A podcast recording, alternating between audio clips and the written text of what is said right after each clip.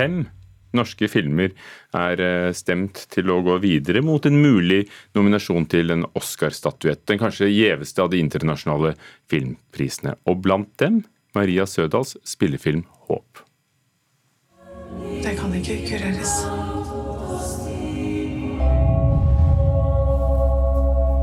Så hvor lang tid har jeg igjen? Tre måneder. Kan man gifte seg innen operasjon? Hva skal vi si til barnet? Ingenting. Jeg pleier å si at man eh, Det handler først og fremst om å klamre seg til kjærligheten, skrev vår eh, kritiker da den kom i høsten 2019. Maria Sødal, manusforfatter og regissør av Håp, god morgen.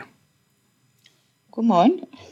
Hva tror du det er med din eh, fortelling i Håp som gjør at du har truffet et internasjonalt publikum? Tja, si det. Um, antar at den må ha en eller annen eh, universell uh, touch. at det angår uh, mange. Uh, men det handler jo, det er jo en film som handler om familierelasjoner i vel så stor grad som den handler om som det er en kreftsykdomsfilm. Så, og en kjærlighetshistorie. Så den Jeg tror den både er veldig spesifikk og personlig, så den er liksom genuin, og samtidig rammer eh, bredt eh, og universelt. For Den handler da om en kvinne som får beskjed om at hun har kort tid igjen å leve. Andrea Brein Hovig spiller eh, hovedrollen.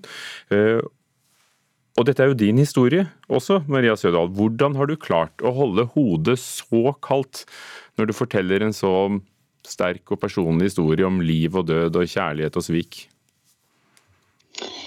Ah, jeg tror det handler om å ha nok avstand til eh, en så traumatisk hendelse at du er i stand til å se på det med et nysgjerrig blikk. Og dermed også er usentimental og ikke navlebeskuende. Um, og så er man jo filmforteller, da. Det er en profesjon. Det er, bare, altså det er en eh, veldig, eh, veldig personlig historie, men jeg er jo også en fagperson. Men du har valgt å ikke gjøre det så sentimental som kanskje andre ville gjort det? Det tror jeg har å gjøre med hvem jeg er som person, uh, rett og slett. uh, ja, eh, mer kan jeg egentlig ikke si om det. Filmen har jo fått priser allerede i Berlin, og skuespillerne har vunnet priser. Eh, Det å komme et skritt videre i nominasjonen til beste internasjonale film, det er den kategorien som før het beste fremmedspråklige film, eh, for en mulig Oscar-statuett av selveste det amerikanske filmakademiet. Ja, hva, hva betyr det for deg? Hva syns du?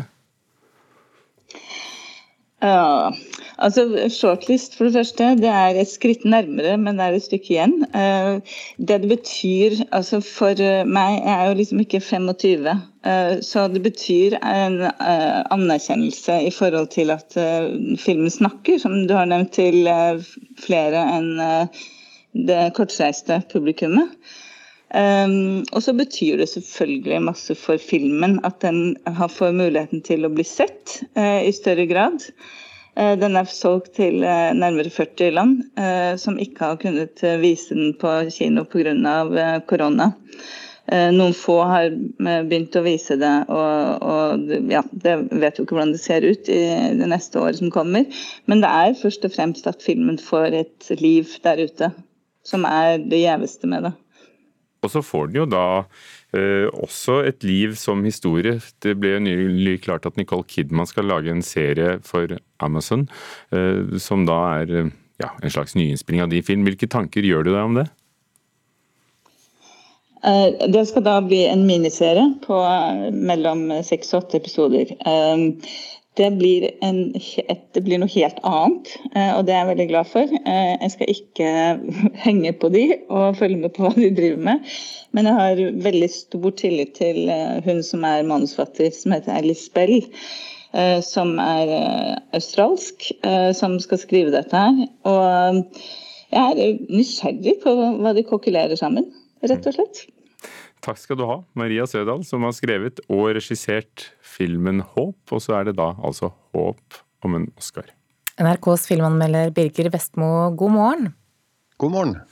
Da du anmeldte denne filmen for halvannet år siden, så skrev du at den var rå, umiddelbar og troverdig. Den har altså havnet på denne kortlisten til Oscar-prisene nå.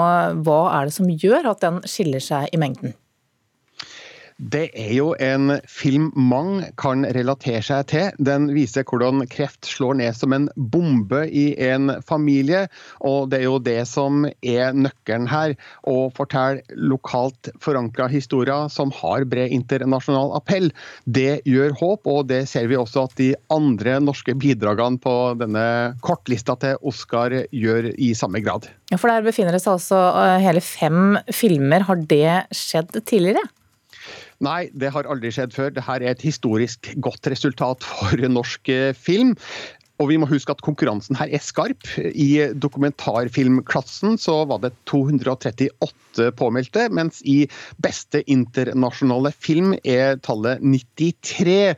Og da er det en bragd å være blant de 15 som går videre. Eh, det betyr jo ikke nødvendigvis at alle, eller noen av de, vil bli Oscar-nominert 15.3, men eh, det er jo en fantastisk anerkjennelse av at nivået på norsk film, både når det gjelder spillefilm, dokumentar og og kortfilm faktisk holder et høyt internasjonalt nivå. Ja, for Dette er jo fem helt ulike filmer. Hva kan du si om dem? Er det noen fellestrekk?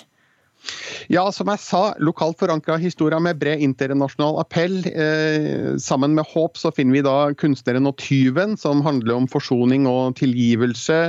Gunda viser universelle sannheter om dyrene vi omgir oss med. Altså, Man må ikke være norsk for å forstå tematikk og budskap i disse filmene. Hvilken av filmene har eh, best mulighet til å få nominasjon, da, tror du? Det er selvfølgelig vanskelig å si, men eh, håp kan faktisk da ende opp med en eh, nominasjon. Den eh, har gjort seg bemerka på internasjonale filmfestivaler, og det at Nicole Kidman har annonsert en nyinnspilling av filmen i serieform, det trekker selvfølgelig opp. Så har vi da to på shortlista i dokumentarklassen, og der har både kunstneren og tyven og Gunda vakt internasjonal oppsikt. Begge filmene figurerer på flere store mediers eh, Best of-lista for året som har gått.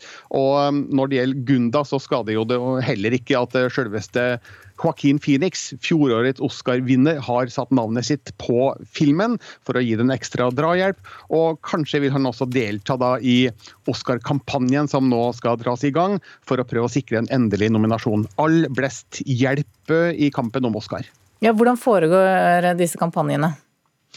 Ja, Nå vil det jo bli en helt annen type Oscar-kampanje enn tidlig pga. pandemien. Vanligvis er det masse meet and greets og, og visninger av filmene i Los Angeles. Nå går ikke det, nå vil det jo foregå digitalt. Så jeg antar at det er flere PR-agenter akkurat nå som eh, planlegger hvordan de faktisk da skal få Oscar-akademiets medlemmer til å se filmene. Det vil jo være snakk om digitale visninger, selvfølgelig. Og skape ytterligere blest omkring disse filmene, slik at flest mulig av Oscar-akademiets medlemmer faktisk ser dem, og, og, kanskje gir dem en stemme da i, i Oscar-løpet som nå ligger foran oss. Hva skal egentlig til for å nå helt til eh, topps da, i disse Oscar-løpene? Er det en, en, nøkkel her? Altså, det er rett og slett PR publisitet og, og blest. Eh, selvfølgelig så må filmene også holde et veldig høyt internasjonalt nivå, for kampen om eh, en Oscar-nominasjon er knallhard. Det er verdens største og gjeveste filmpris vi snakker om. Den alle vil ha. Så man må ha laga et godt produkt, og man må være smart i måten man presenterer den på da, for Oscar-akademiets medlemmer. Så det er ikke en eh, det er ikke en lett jobb, det her, men eh, det er mange som har gjort den jobben eh, før, og kan kanskje gi inspirasjon til hvordan man skal få en eh, Oscar-nominasjon eller to til Norge også i år. Okay, du må minne oss på Når er nominasjonene klare, og når skal prisene deles ut? Ja, Det er 15. mars som er den magiske datoen for Oscar-nominasjonene. Og så er selve Oscar-utdelinga flytta til april i år pga. pandemien. Vanligvis er det jo da februar som er den store Oscar-måneden, men nå er det april altså som gjelder. Ok, Takk skal du ha, Birger Vestmo, NRKs filmanmelder. Det er et nytt stjerneskudd i tysk litteratur. Daniela Krien heter hun, og alle bøkene hennes har en um, tendens til å havne på bestselgerlistene. Nå er 'Kjærlighet i nødsfall' også kommet på norsk. Knut Hoem, du, uh, du leser jo både tysk og norsk, men denne har du lest på norsk. og Det handler om kjærlighet, men også politikk. Hva er sammenhengen mellom kjærlighet og politikk i denne historien? Jo, god morgen. Nei, Det er all grunn til å se opp for eh, Daniela Krien. Hun er født i 1975 i eh, Øst-Tyskland og var da altså 14 år gammel bare da muren falt. og Det var jo en brå overgang mellom to eh, stikk motsatte samfunnssystemer. Og Disse fem kvinnene som vi møter i denne romanen, 'Kjærlighet i nødsfall', de er på alder med henne. Hun og de eh, forsøker å slå seg gjennom tilværelsen i det gjenforente Tyskland etter beste evne. og Det er jo veldig annerledes nå. Det er ikke sånn at du må stå i kø lenger for å få takpapp til huset ditt. Nå kan du velge mellom 14 typer burgunder når du går i delikatesseforretningen. Og du kan sveipe mellom ulike menn på datingapper. Og foreldrene dine, som kanskje var blodrøde sosialister eh, da du var ung, de er blitt konservative og mot innvandrere. Så, så, denne politiske bakgrunnen den summer liksom i bakgrunnen i denne fascinerende romanen som utspiller seg i kulturbyen Leipzig. Og så er det et annet grunntema da, som nevnt, kjærlighet. Er det, er det noe å si om kjærlighet som ikke er sagt før? Ja, det, det Daniela Krien eh, gjør, det er jo at hun eh, spør når er det alvor når det er kjærlighet. Eh, på tysk så heter romanen 'Die Liebe im Ernstfall'. Og oversetter Ute Nøyman hun har gjort en veldig fin innsats, men sikkert slitt litt med å oversette dette med ernstfall, for det betyr jo altså alvor, og på norsk er det blitt nødsfall. Men hun stiller spørsmål om borer i dette med når er det kjærligheten virkelig blir satt på spissen, og hvem er det som er der når det virkelig trengs. Og her er det møter vi disse fem kvinnene i ulike stadier i livet. Det er litt sånn som i Karl Ove Knausgårds siste roman 'Morgenstjernen' at eh, vi møter fem kvinner, og så ser vi hvordan livene til disse fletter seg inn i hverandre. Hva er det som for deg gjør at denne romanen eh, bringer noe, noe helt nytt? Nei, nå har jeg jo fulgt uh, tysk uh, litteratur i 30 år, mer eller mindre. Og det som jo kjennetegnet den kjente eldre forfattergenerasjonen i Tyskland, det var jo at de skulle skrive om de store, alvorlige temaene. Det var jo to verdenskriger som skulle bearbeides. Og det var et sånt stort alvor av skyld og forsoning som lå over mange av romanene, som ofte var fantastiske, om de var skrevet av Heinrich Bøll eller Gunther Grass eller Martin Walser eller Hans Magnus Hensensberger. Men nå kommer altså en ny generasjon med Daniel Akrien her fra Leipzig. Østtysk forfatter med en mye lettere tone. Eh, selv om eh, temaene og det politiske allikevel fins der. Så jeg skjønner godt at hun er blitt en bestselger.